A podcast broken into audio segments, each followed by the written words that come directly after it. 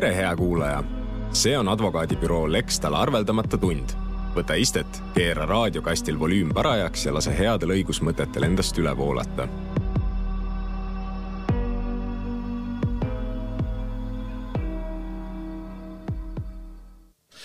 no tere, head Delfi taskuringhäälingu arveldamata tund kuulajad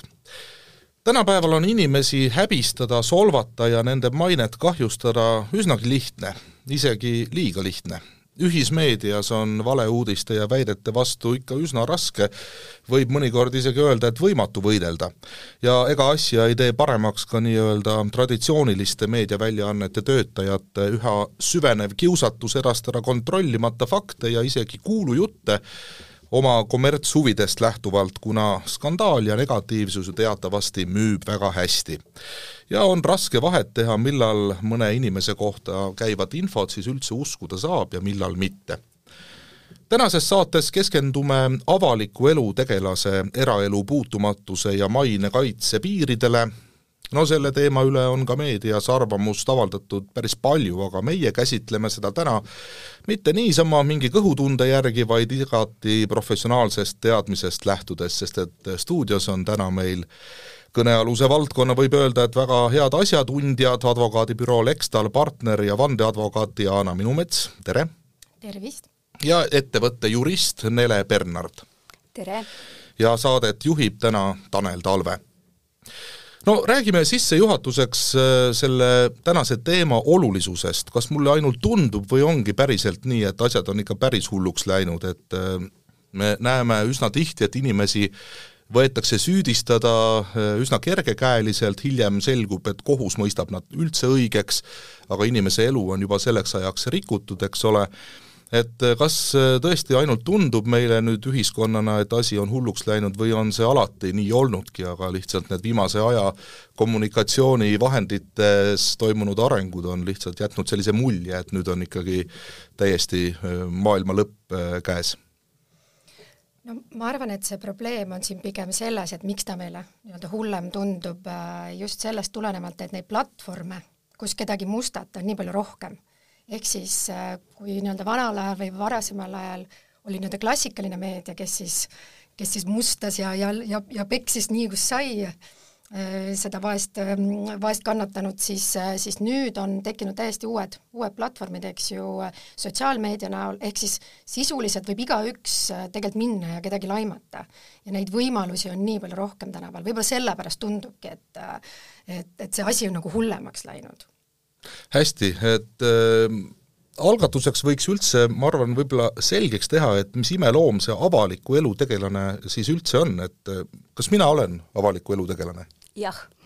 see ei ole vist hea uudis või antud kontekstis aga teie olete või?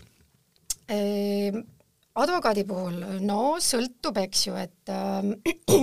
kindlasti ütleme, kui me räägime advokaatidest, siis Robert Sarv ja Oliver Nääs, kes on kogu aeg figureerivad, kelle nimed, eks ju, figureerivad meedias, et äh, et nemad, nemad kindlasti on. et mina ei julge ennast veel, veel päris avaliku elu tegelaseks nimetada, kuigi ma olen osalenud telesaadetes, eks ole, olen ka raadios käinud varasemalt äh, et, et ähm, sõltub, kust tunda piir, ma tahan nüüd öelda, et olla lihtsalt tagasihoidlik, et ja ei, ma saan aru küll, et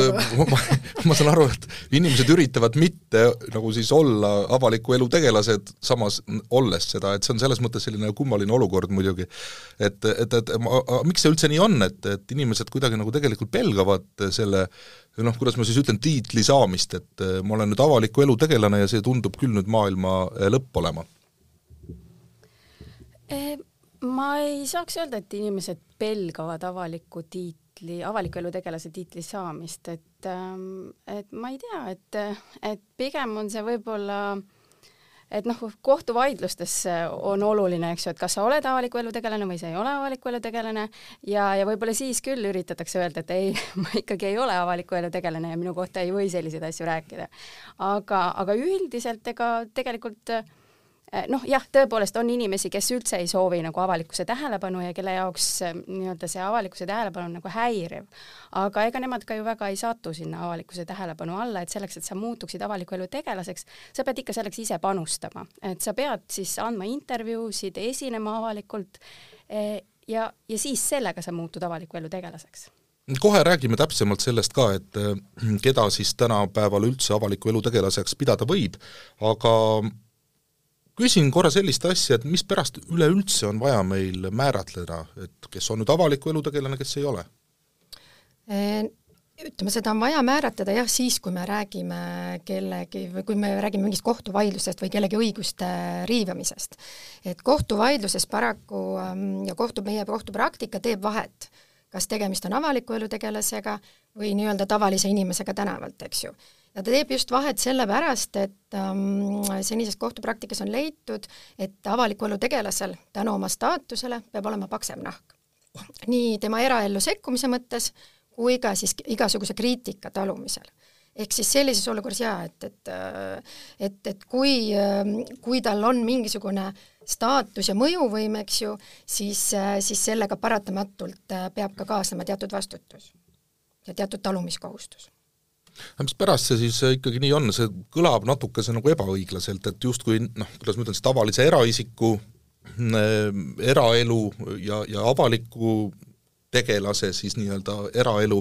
et need nagu justkui ei olegi võrdselt kaitsmist siis väärt või, või, või kuidas see asi siis nüüd käib? no ega elus niimoodi on, et iga õigusega kaasneb ka vastutus, eks ju. et ta on selle, ta on äh, selle, me ei saa öelda, et ta on vähem väärt, et see on võib-olla vale, vale lähenemisnurk äh,, vaid äh, avaliku elu tegelase puhul äh, temaga kaasneb teatud mõjuvõim, ehk siis kas on see läbi loomingu, on see läbi võimul oli, olemise positsiooni, ehm, on see mingi muu avaliku tähelepanu tõttu. ehk siis see võim inimestega manipuleerida. kui mina midagi ütlen, siis inimesed kuulavad, kui mina midagi arvan, siis inimes-, inimestele läheb see korda. ja see on võim inimestega manipuleerida, panna neid tegema seda, mida mina tahan. ja sellest lähtuvalt peab ka see kontroll selle võimu üle olema suurem ja seda, seda kontrolli saab saavutada ainult läbi sekkumise, eks ju. läbi sekkumise selle inimese äh, eraellu või siis läbi sekkumise äh, tema, tema nii-öelda tegevuse äh, kritiseerimisel. Et, et me peame, meil peab olema võimalik küsida, meil peab olema võimalik kahtlusele seada ja teha ka seda võib-olla teatud juhtudel ka õigustamatul viisil. et see, just selle võimu pärast et kui inimene ise avaldab arvamust, kui ta üritab mõjutada sellega teiste inimeste arvamust, oma tegevusega mõjutada teiste inimeste arvamust, siis ta tahes-tahtmata satub avalikkuse kriitika alla ja ta peab sellega arvestama. jah, seda on palju öeldud tõepoolest, et äh, sul peab lihtsalt paks nahk olema. Kuigi noh, mõnikord äh, on kindlasti olukordi, kus ka see paks nahk ei, ei päästa ja kus ikkagi ju ülekohut ju tehakse, aga ma veel küsin ikkagi nii palju selle kohta, et kas selle avaliku elu tegelase staatuse kohta on ka miski juriidiline definitsioon väga konkreetselt olemas, et noh, muidu siin noh, kõhutunde pealt ütleme siis, et vaat sina oled avaliku elu tegelane, sina ei ole no sellist legaaldefinitsiooni ehk äh, definitsiooni, mis nüüd kuskil seaduses kirjas oleks, sellist definitsiooni ei ole. küll aga ajakirjanduseetika koodeks annab definitsiooni ja seda kohtud ka väga meelsasti kasutavad ja, ja see definitsioon kõlab nii poliitilist ja majanduslikku võimu ning avalikkusele olulist informatsiooni valdavaid inimesi käsitleb ajakirjandus avaliku elu tegelastena, kelle tegevuse üle on ajakirjanduses tavaliselt suurem tähelepanu ja kriitika õigustatud. samuti käsitleb ajakirjandus avaliku elu tegelastena neid, kes teenivad elatist enda isiku või loomingu eksponeerimisega hmm,. see on üsna ju lai määratlus tegelikult, et noh, põhimõtteliselt päris paljud võivad olla siis avaliku elu tegelased siiski. absoluutselt, jah siit tegelikult on tuvastatav sellist kaks kategooriat, noh kuidas ma ise tavaliselt neid nii-öelda kategoriseerin, et üks on see nii-öelda see võimu aspekt, eks ju, et kes siis omavad mingit poliitilist või majanduslikku võimu ja siis võimu all peetakse silmas ka informatsiooni, eks ju. informatsiooni omamine on ka võim ja teine aspekt on see, kes nii-öelda ise siis oma loomingu või, või mingisuguse tegevusega siis nii-öelda vabatahtlikult siis pürgivad sinna avalikkuse tähelepanu alla. et sellised, sellised kaks kategooriat, eks, et on siit, on siit tuvastatav? ma hakkasin praegu mõtlema, et huvitav, kui ma olen kunstnik, noh, selline korralik loomeinimene, eks ole, ja tegelikult mul ei ole ju noh, nagu selline eluunistus võib-olla nüüd selline avaliku elu tegelane just olla, aga paratamatult olen, sest ma olen jube hea kunstnik, eks ole, ja kõik minust tahavad ju ikka rääkida, eks ole, et kas kas selline inimene on ka siis ikkagi noh, juriidilises mõttes avaliku elu tegelane, keda, kellel peab see paksem nahk olema, see vae-, vaesel kunstnikul? Jah, et, et ähm, paraku, paraku ta jah, selle mõiste alla läheb, eks ju. et ähm, kunstnikega, no ütleme, me räägime ka, siin saab samamoodi tuua paralleeli ju igasuguste ärimeestega, kes ju kiivalt hoiavad avalikkusest eemale. eks siit võib, võibki ju küsida seda, et, et et kas ma olen siis avaliku elu tegelane, kui ma absoluutselt ei, ei ühelgi kroonika fotol mind ei ole näha, on ju, keegi helistab, ajakirjanik ma iga kord ei võta vastu, üldse ei vasta, ma ei suhtle, ma ei taha olla, on ju. et kas avaliku elu tegelane saab ka olla vastu tahtmist? siis äh, vastus on paraku jah, saab küll. et see on see, see on see, mis paraku selle võimu, olgu see siis kas või läbi loomingu, mis selle võimuga kaasneb, et küll tuleb siin selles mõttes vahet teha, et kohtupraktika kindlasti arvestab seda, et kuidas isik ise äh, nii-öelda avalikkusega käitub. ehk siis äh, kindlasti sellise kunstniku, kes hoiab kiivalt avalikust elust eemale, siis tema privaatsuse ja selle õigus selle, selle privaatsussfääril on kindlasti oluliselt laiem kui siis äh, kunstnikul, kes iga nädal, äh, iga nädal, eks ju, äh, kroonikas fotografeer-, laseb ennast fotografeerida, võtab sõna, avaldab arvamust, eks ju, et, et väga suur roll on kindlasti ka sellel, kuidas see isik, avaliku elu tegelane, kes iseenesest definitsiooni mõttes sellele vastab, kuidas ta ise käitub. see ei käi ainult kunstnike kohta, et see on, no kui on, ma ei tea, ärimees või, või mis iganes muu eluvaldkonna esindaja, kes tõesti on väga selgelt näidanud, et teda ei huvita äh, meedias eksponeerimine, et siis tema, tema puhul võib ka nagu natukese siis laiemaks seda mõistet. et alati võib näiteks kunstniku puhul kritiseerida tema loomingut ja ärimeeste puhul äh, noh, siin on, äh, kindlasti võib kritiseerida nende nagu äritegevust. et aga vot siin nagu tekib see piir, tekib just see, et et kui kunstnik nüüd enda isikut kuidagimoodi ei eksponeeri, vaid eksponeerib ainult enda loomingut, siis loomingut saab kritiseerida, aga selle isikuga läheb juba keeruliseks. ja täpselt samamoodi nende ärimeestega ka, et et kui nüüd selle ärimehe isiksus ei ole kuidagi seotud selle äritegevusega, siis jah, me saame kritiseerida seda äritegevust äh, ja teatud määral võib-olla ka seda isikut, aga, aga vot siin ongi nagu see piir, et kui ta ikkagi noh, ise selleks mitte kuidagi nagu alust ei anna, siis äh, ei, ei saa tegelikult ka selle ärimehe isikut äh, kuidagimoodi kritiseerida. Meil Eestis ei ole see teema nüüd teatud põhjustel väga aktuaalne, sest et kuningriik me ei ole ja selliseid siniverelisi noh, ütleme põlvkondi ja, ja perekondi meil ei ole, aga maailmas ju on, et kas põhimõtteliselt on võimalik avaliku elu tegelaseks sündida? jah, on küll, et, et kindlasti needsamad kuninglikud perekonnad ju tegelikult äh, Äh, keda me maailmas teame, keda, keda imetletakse, keda jälgitakse, keda, keda iga, iga infokillukest äh, selle, selle kuningliku perekonna kohta püütakse meedias äh, kätte saada ja kajastada, eks ju, et ja inimestel on nende vastu huvi see on paratamatu, et see, nendega käibki niisugune äh, aura kaasas, on ju, et, et selline, selline, see on nagu nii-öelda meist kõigist kõrgemal olev äh, perekond, et äh, jah, see on paratamatu. Nad sünnid sinna, siis ei ole mitte midagi teha. see peab paksu nahaga kohe sündima, et siis see on nagu abiks. siin ongi tegelikult olnud kohtupraktikas isegi teatav segadus, et äh, seoses Hannover versus Saksamaa kaasusega, kus Monaco printsess Caroline noh, tema on sündinud kuninglikku perre, aga tal ei ole avalikke kohustusi. ja siis tegelikult Euroopa Inimõiguste Kohus ütles, et ta tegelikult ei ole avaliku elu tegelane aga, aga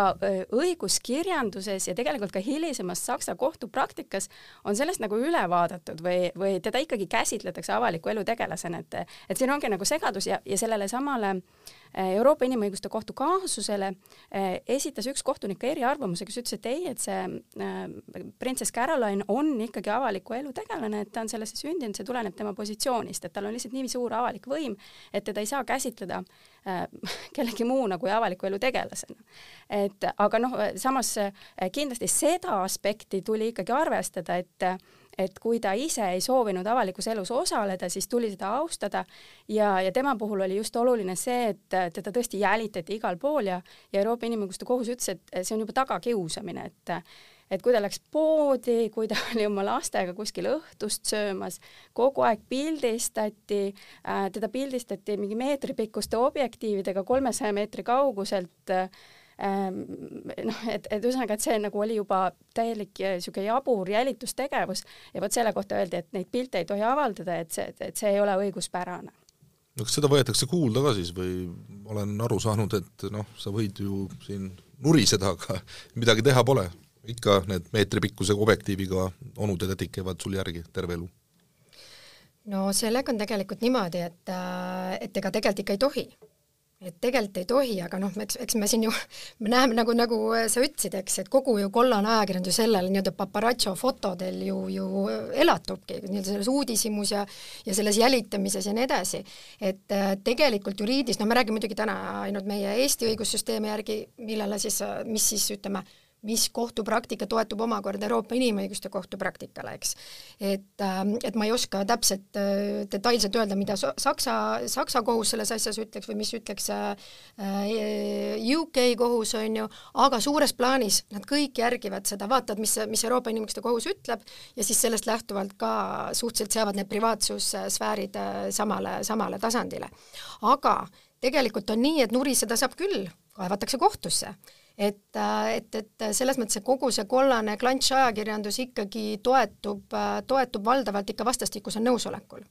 et, et ega tegelikult valdav enamus äh, ikkagi soovivad. või siis noh, või siis nad vähemalt ei astu selleks samme, et, et et minna iga kord kohtusse kaebama, nad ei viitsi, eks ju. et, et, et eks see sõltub sellest, kui, kui, kui, kui suures ulatuses see, see paparatso neid välja vihastanud on, eks ju. et, et see kohtutee jälle ette võtta, aga, aga selliseid kaasuseid on, minnakse kohtusse ja, ja, ja, ja makstakse ka valuraha nende väljaannete poolt. ja, ja siin ma isegi tooksin välja, et tegelikult üks aspekt, mida siin äh, tasub ka arvestada, et tõepoolest Äh, ei, äh, ei tohi Eestis tegeleda ikkagi sellise noh, tõelise niisuguse Ameerika kultuurist tulnud niisugune papa, niisuguse paparatšorlusega. et Eestis on karistusseadustiku paragrahv äh,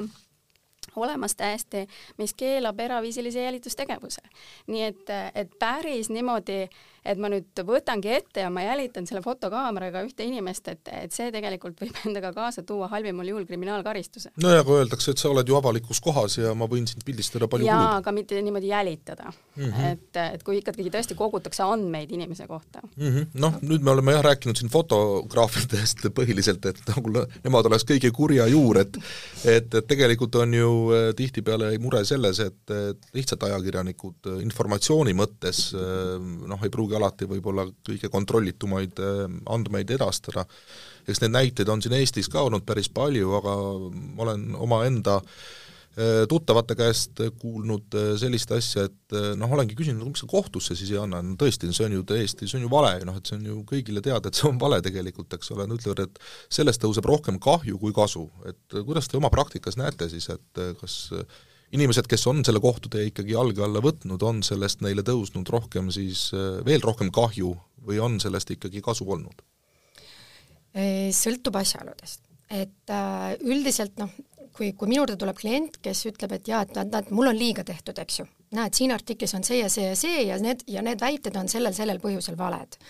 siis me alati, alati analüüsime läbi selle, mis on selle kohtuasjaga kaasnevad riskid. Ehk siis, ehk siis vähemalt mina oma praktikas lähen alati siis eh, nii-öelda hagi esitama, eks ju, kellegi vastu. Eh,, kui ma olen enam-vähem sada protsenti, noh kunagi sada protsenti olla, aga kui ma olen täiesti kindel ja kui see ebaõigluse määr on nagu nii ilmselge,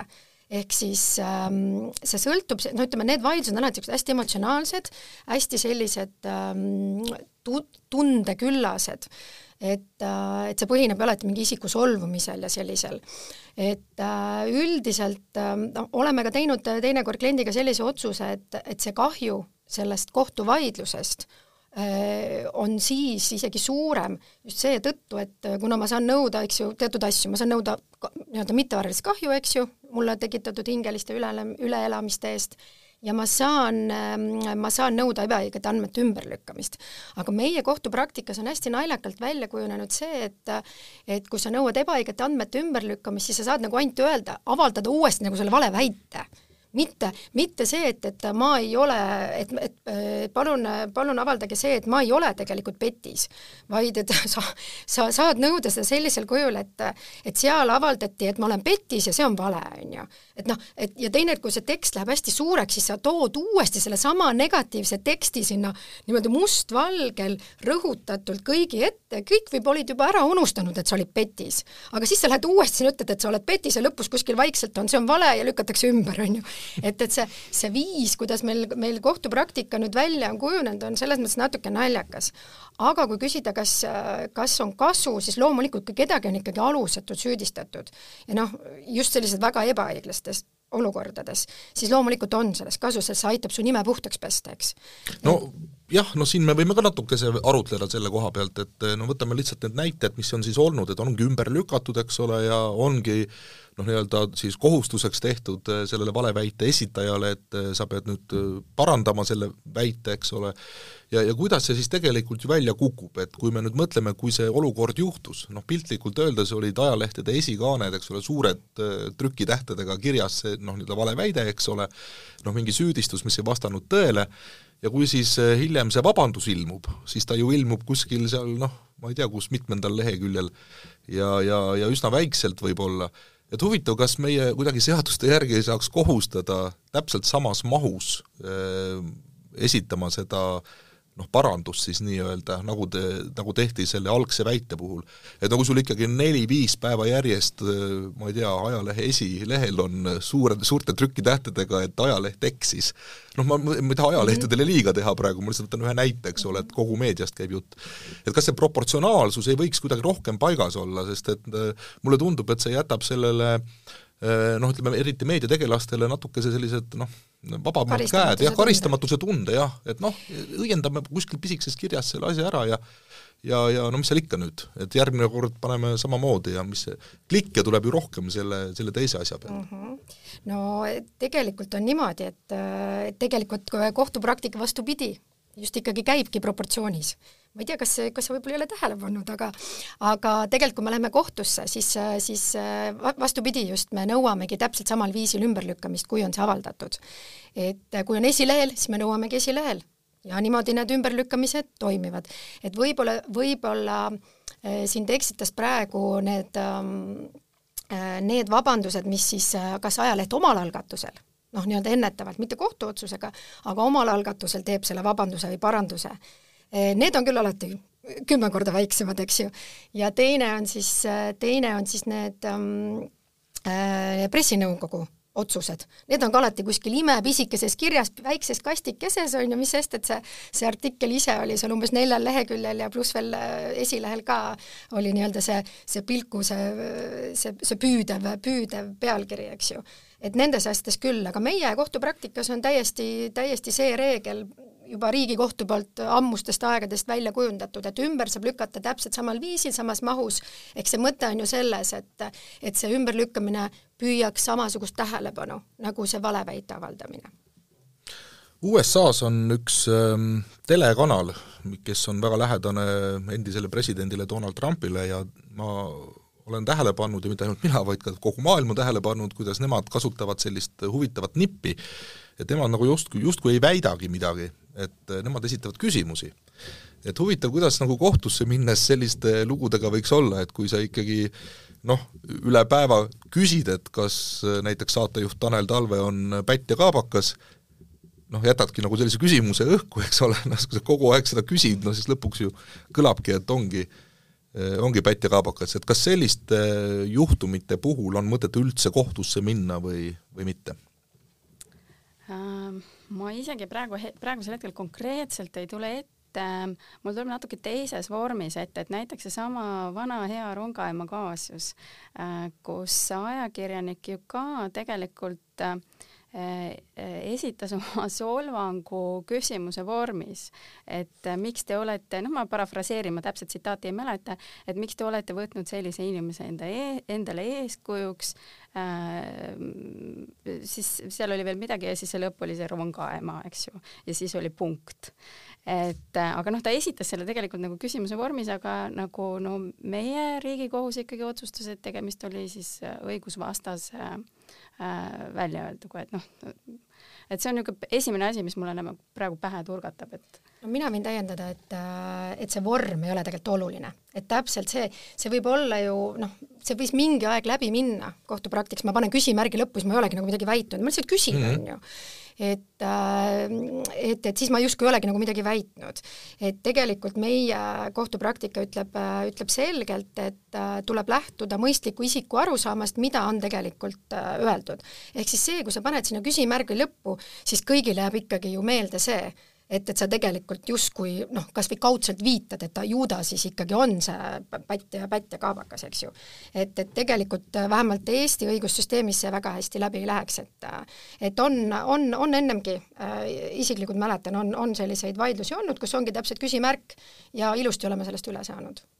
mm. -hmm. aga noh, see sõltub ka kontekstist ja sellest võib-olla, mida, mida intervjueeritav vastab, eks ju, et kogu, kogu sellest intervjuu kontekstis, et, et, et kõike nagu tuleb jah, hinnata äh, jah, ikka seal selles kontekstis. no kui veel intervjuu on, siis on veel üks asi, eks ole, aga sellest äh, USA telekanali näitest, noh sellest on tehtud nüüd juba ka väga palju nii-öelda musta komöödia mm -hmm. filme ja, ja sellise noh, ütleme me-, meemideks vist, vist nimetada kogu seda asja, et see oli tõesti juba täiesti üle mõistuse. ega nemad ei teinudki intervjuusid, seal oli saatejuht, oli teleekraanil, kes äh, küsimuste vormis muudkui igapäevaselt noh, tegelikult suunas, eks ole, seda ühiskondlikku arvamust, sest et väga palju vaatajaid oli ja ja, ja nad justkui jah, no midagi ei väitnud, aga ainult äh, küsisid ja nad isegi lõppu juba ütlesid ka, et ega me ei ütle midagi, aga me küsime mm. -hmm. no siin on äh, kaks aspekti, eks ju, et, et, äh, et, et nagu Nele ütles ka, et, et loeb selle lisaks sellele pealkirja küsimusele loeb ka selle artikli sisu, et, et kui seal sisus ongi, et, et näiteks äh, kui me küsime, et kas ta pani toime selle teo või selle kuriteo, näiteks kas president pani selle kuriteo toime või mitte, siis äh, ja kui selles sees kirjeldatakse seda juhtumit ja tegelikult öeldaksegi, et tegelikult me ei tea ja seda rõhutatakse korduvalt, me alles kahtleme, asjaolusid alles uuritakse, et loomulikult loeb ka see, et, et, et nagu kohe ka ei saa keelata, eks ju, et äh, selle küsimuse esitamine. et kui see kui see kontekst ja kogu ülejäänud artikkel ka toetab seda küsimust, et siis ta võib-olla ei olegi nagu, nagu nii, noh, siis, siis ei olegi väidetud, et ta kindlalt on toime pannud selle, selle kuriteo näiteks. aga siin on kindlasti, just tuleb see avaliku, meie tänase teema, eks ju, avaliku elu tegelase aspekt, et, et avaliku elu tegelase puhul võib ka rohkem küsida ja võib ka rohkem kahtluse alla seada, eriti just on tegelikult ju, peavad kriitikul olema avatud poliitikud ja poliitika ehk siis seal ongi õigus rohkem küsida, ongi õigus rohkem ja isegi kasutada niisuguseid võib-olla äh, ebatsensuurseid väljendeid nende küsimuste juures ja võib-olla isegi natuke ka solvata. et tegelikult meie äh, just Euroopa Inimõiguste Kohus on selles osas õudselt tolerantne olnud ja hästi ajakirjandusvabadust toetav. et, et äh, seal on, on Euroopa Inimõiguste Kohus on selgelt omistanud ajakirjanduse sellise võimu, võimu nii-öelda valvekoera rolli, eks ju, ja sellega seoses ongi õigus kogu aeg ajakirjandusel küsida, kas oli nii, kas tegid? ja, ja võib-olla isegi natuke ka liialdada sellega, eks ju. No me praegu oleme nüüd rääkinud küll äh, põhiliselt sellest, kuidas justkui meedia teeb liiga kellelegi, et äh, ei tahaks, et see mulje nüüd jääks, et see mingisugune norm on või et see alati nii ongi, äh, aga, aga on ju ka palju selliseid olukordi, kus üks ma ei tea, avaliku elu tegelane teise avaliku elu tegelase kohta midagi väidab, noh siin viimaseid Riigikogu istungeid jälgides on sõnaselgelt kõnepuldist mitu korda öeldud väga selgesõnaliselt, et see inimene või see minister, tema valetab, et see on vale, see on vale, see on vale, see kõlas läbi peaaegu kolm tundi järjest, eks ole, et kas see minister nüüd, kes seal siis nii-öelda löögi all oli, et kas tema võib ka minna siis kohtusse nüüd õigust nõudma, et noh, et ei olnud vale? absoluutselt et tegelikult ega meie süsteemis on nii, et igaüks vastutab selle eest, mida tema avaldab. ja kui ta avaldab kellegi teise kohta valet, siis on alati, isegi kui see, see vale käis äh, avaliku elu tegelase pihta, eks ju, siis avaliku elu tegelasel on alati õigus minna kohtusse ja nõuda tema kohta esitatud valeandme ümberlükkamist. küll on, on, läheb problemaatiliseks olukord siis, kui seesama nii-öelda minister läheb ja hakkab nõudma siis mittevaralist kahju ja, ja juba selliseid nagu teisi õiguskaitsevahendeid rakendama. et siis seal on küll äh, Riigikohus öelnud seda, et sellises poliitilises debatis ja üldse, kuna tegemist on avaliku elu tegelasega, siis mittevaralise kahju äh, hüvitamist sellises olukorras õigustab ikkagi ainult äh, selline juhtum, kus see, kus see valeväide on mingi eriliselt kuidagi nagu räige või eriliselt, eriliselt, eriliselt solvav et, et seal, seal, seal läheb mängu küll see, see avaliku elu tegelase staatus ja just eriti noh, kui me vaatame Euroopa Inimõiguste Kohtu praktikat, siis tegelikult just see poliitiline debatt on nii-öelda seal kõr-, kõige ajakirjandusvabaduse mõistes kõige madalamal tasandil, kus sa, kus, kus tegelikult võibki üksteist materdada. et noh, mida on ka huvitav jälgida, et tegelikult ju Eesti Eesti kohtupraktika on tegelikult ja ütleme, Eesti kohtud on vähemalt avaliku elu tegelaste ja poliitikutest oluliselt leebemad kui on, kui on Euroopa Inimõiguste Kohtu kohtunikud. et selles mõttes on Eesti avaliku elu tegelastel väga hea elu ja Eesti poliitikutel on väga hea elu. sest et nende, nende kasuks ikkagi mõistetakse neid mittevaralisi, mittevaralisi hüvitisi välja. nojah, mul praegu turgatab kohe meelde Indrek Tarandi ja, ja EKRE vaheline vaidlus, mis ma sain aru, et kohtulahend ikkagi vist nüüd sai ja, ja, ja see oligi nüüd see koht, kus siis kogemata vist märkasin isegi mingit uudist, et kus siis äh, lükati ümber need varem härra Tarandi kohta käinud äh, väited, eks ole, aga noh, mm. palju seda siis kokkuvõttes tähele pandi võrreldes sellega, mis toimus siis, kui need väited esitati, noh vot ma ei ole nagu kindel, et siin see proportsionaalsuse äh, noh, nõue nagu nii-öelda täidetud on, aga aga see selleks, aga tuleme korraks tagasi ähm, selle avaliku tegelase ja eraelu vaheliste suhete kohta, et kas sellel avaliku elu tegelasel on siis üldse õigust öelda ka, et eh, vaat selliseid andmeid minu kohta te tohite avaldada ja vaat selliseid ei tohi? no absoluutselt on, et tegelikult äh, no üldjuhul ju avaliku elu tegelane mm, dikteeribki seda, mida tema kohta avaldatakse. Äh, ta dikteerib seda kas oma sõnadega äh, või oma tegudega. et tegudega siis ehk siis jälle tuleme selle juurde, et kui ta midagi väidab, siis ta peab arvestama sellega, et sellele väidetakse midagi vastu ja aga siis teine aspekt on see, et oma sõnadega dikteerib ta niimoodi, et, et ajakirjanikku saab alati küsida, et ma tahaksin avaldada ähm, näiteks ähm, noh, mingeid eraelu detaile seal, et kes on uus kaaslane või, või jälle uhked pulmad ja nii edasi. ja äh, seda saab nüüd avaliku elu tegelane ikkagi konkreetselt öelda, et kas ma luban oma eraelu detaile avaldada äh, või ma ei luba neid avaldada muidugi palju on. sellest kinni on siis peetud, mul väga-väga vabandan, aga mul, mul, ma olen lihtne inimene, mulle tundub võib-olla nii, et sellest nüüd küll kinni ei peeta. et eh, tahad või ei taha, ikka urgitsetakse su, ma ei tea, lähedaste ja, ja teiste kallal siin võib-olla tasub jah, ma, ma võib-olla täiendan Nele eelmist, eelmist mõtet sellega, et ütleme, see kuldreegel, kuidas, kuidas aru saada, millal, millal avaliku elu tegelasel on eraelu, millal tal ei ole, eks ju, millal tal on õigus midagi öelda, on see, et kui avalik elu tegelane tegu-, tegutseb enda avalikus sfääris, siis tal ei ole õigust. ja kui ta tegutseb enda privaatsfääris, siis tal on õigus selle, seda reguleerida ja öelda, et seda ei tohi avaldada, eks ju. aga siin on ju see nipp või see aspekt, et, et iga avaliku elu tegelane on, on erinev, eks ju, mille tõttu ta avaliku elu tegelaseks sai. ehk me saame ju võrrelda näiteks presidendi äh, privaatsfäär on kindlasti midagi muud kui mõne reality staaril, kes, kes elabki kogu elu väljapoole. ehk see tähendab seda, et siis see reality staar, kui ta igal pool avalikult toimetab, teeb ja oma eraelu jagab, siis on ka õigus meedial sinna sekkuda, et sellepärast ka, ka nende reality staaride peal ju kogu see meedia ju, ju toimibki, eks ju. et siis tal ei olegi õigust öelda, et, et eks see piir läheb täpselt sealt, kus me ütleme, et et kus see tema avalik, avalikus sfääris tegutsemine lõpeb ja need on väga erinevad erinevate avaliku elu tegelaste puhul. see on jube põnev teema tegelikult mm, -hmm. sest kui ma hakkan tagasi mõtlema igasugustele sündmustele, no võtame sellesama presidendi näite, eks ole, me mäletame arvatavasti kõik, võib-olla kõik ei mäleta ka enam, aga tuletame siis meelde Arnold Rüütli presidendiks oleku ajal, eks ole, tema lapse, lastelaste tegevust Kadrioru lossis,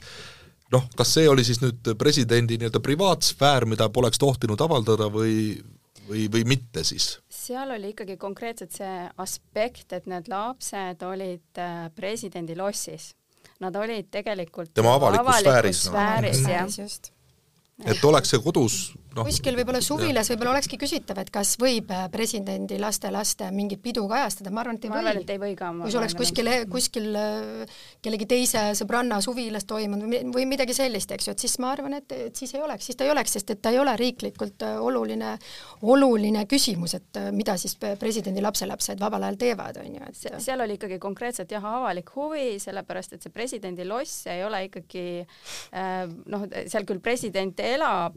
aga aga seal on ka tema tööruumid ja see on see kõik avalik ruum ja, ja kuidas seal presidendi lossis käitutakse ja mis seal toimub, et see on avaliku huvi sfääris. korraks veel tulles tagasi selle juurde, kes see avaliku tege-, kuidas sa selle avaliku tegelase tiitli siis nii-öelda endale saad, et kui sa oled äh, avaliku elu tegelase lähedane, noh ütleme siis laps näiteks, et kas sa siis oled automaatselt ka avaliku elu tegelane? Eh, eh, ei, automaatselt ei ole ja, ja siin ma võib-olla jah, tooksin jälle, toon näite sellest Rongaema kaasusest, eks ju, kus kohus on äh, siis konkreetselt öelnud seda, et mitte keegi ei saa avaliku elu tegelaseks selle tõttu, et ta on avaliku elu tegelase abikaasa, laps või, või ühesõnaga kuidagi lähedaselt seotud isik. et selleks, et ikkagi sattuda avalikkuse huviorbiiti, sellisel juhul peab ikkagi selleks kuidagi noh, olema mingisugune muu põhjus või kas tuleb ise selleks põhjust anda või mitte, et noh, noh, siin ütleme nii, miks ma ütlen, et see Rongaema kaasus on natukene niisugune noh, vaieldav, et, et tegelikult oligi seal küsimuses, küsimus, et kas tollane Vilja Laanaru on siis avaliku elu tegelane või mitte. Äh, sest probleem oli selles, et ta oli siseministri nõunik, ajakirja äh, toimetaja, erakonna ajakirja toimetaja, äh, osaline lindiskandaalis, et, et siis vastaspool ikkagi arvas, et sellega ta muutus avaliku elu tegelaseks ja, ja õiguskirjanduses ikkagi pigem ähm, kaldutakse teda pidama avaliku elu tegelaseks ja seal oli veel ju küsimus selles, et ta avaldas oma eluloo raamatu, et selle raamatu avaldamise protsess et minu meelest ta äh, siis nagu lõpuks siis,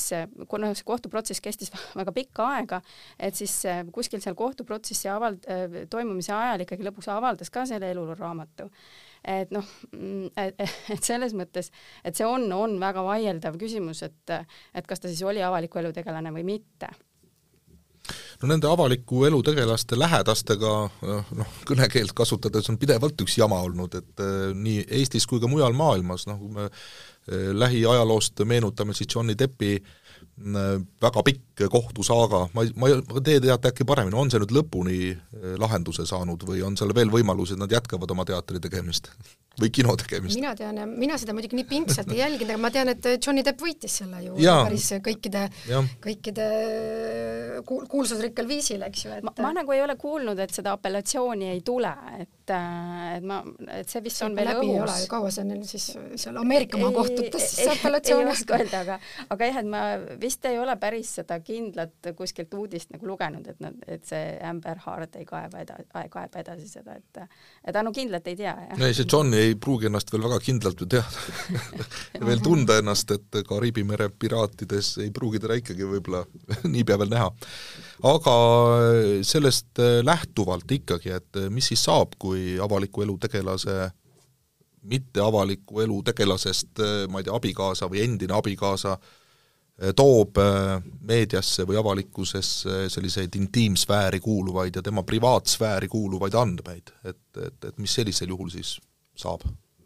no selles osas on tegelikult ka Eesti kohtutes äh, läbi, läbi käinud vaidlused, äh, vaidlus, mis äh, puudutas loomeinimeste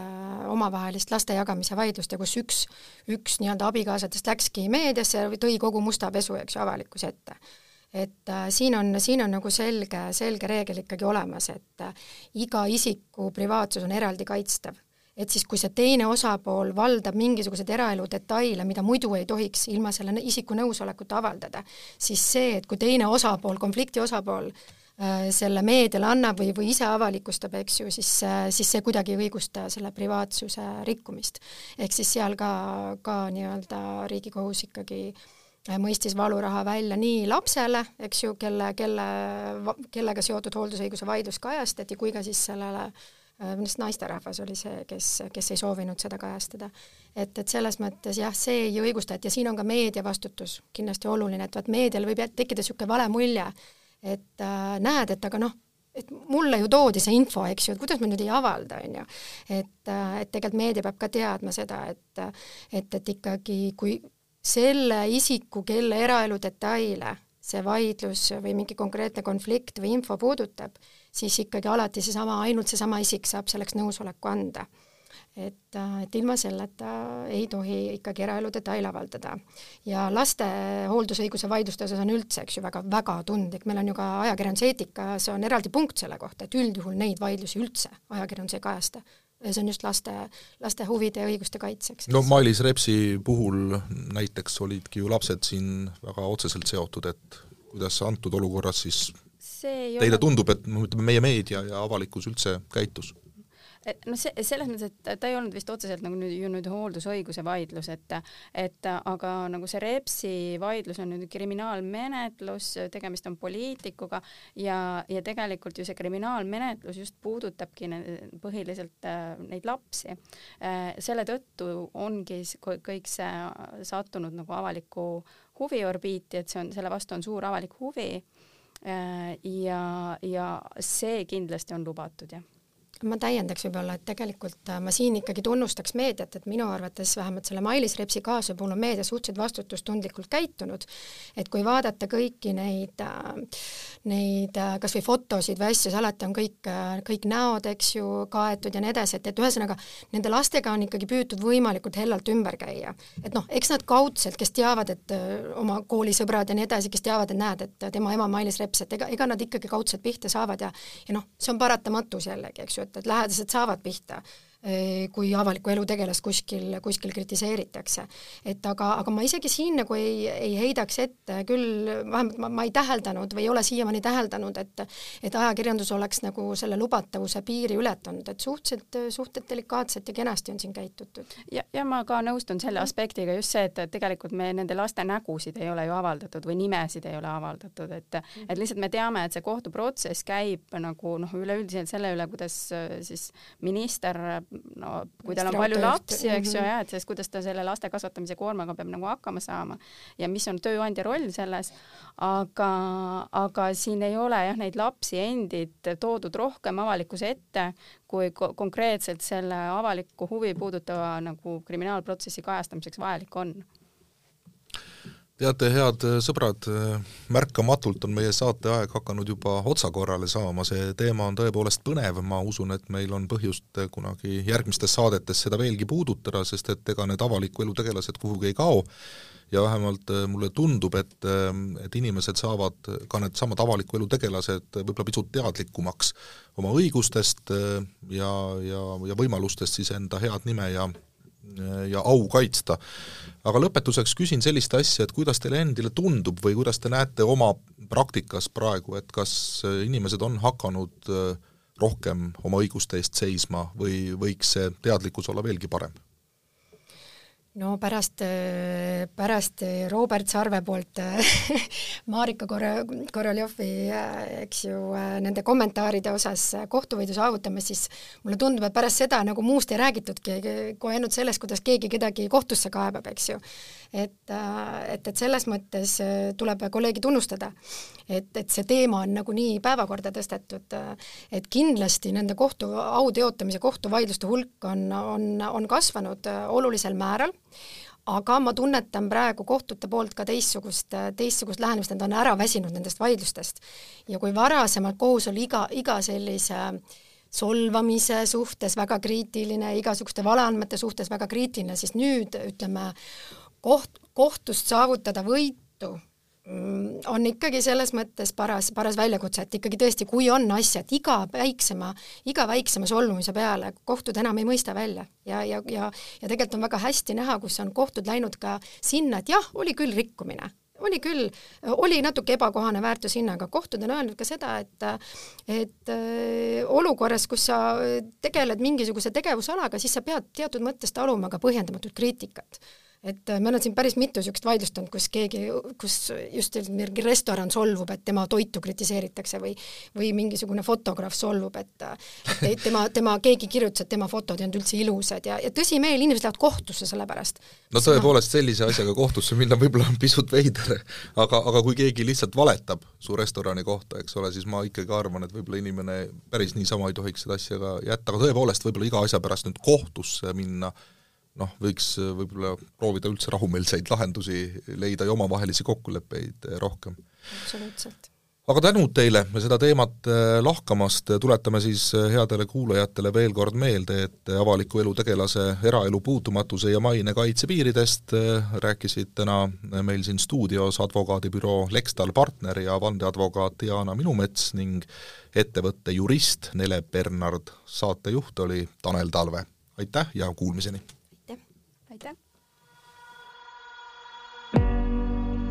See oli arveldamata tund. Tänan, et kuulasid. saate tõi sinuni advokaadibüroo Lextal, alati personaalne, julge ja usaldusväärne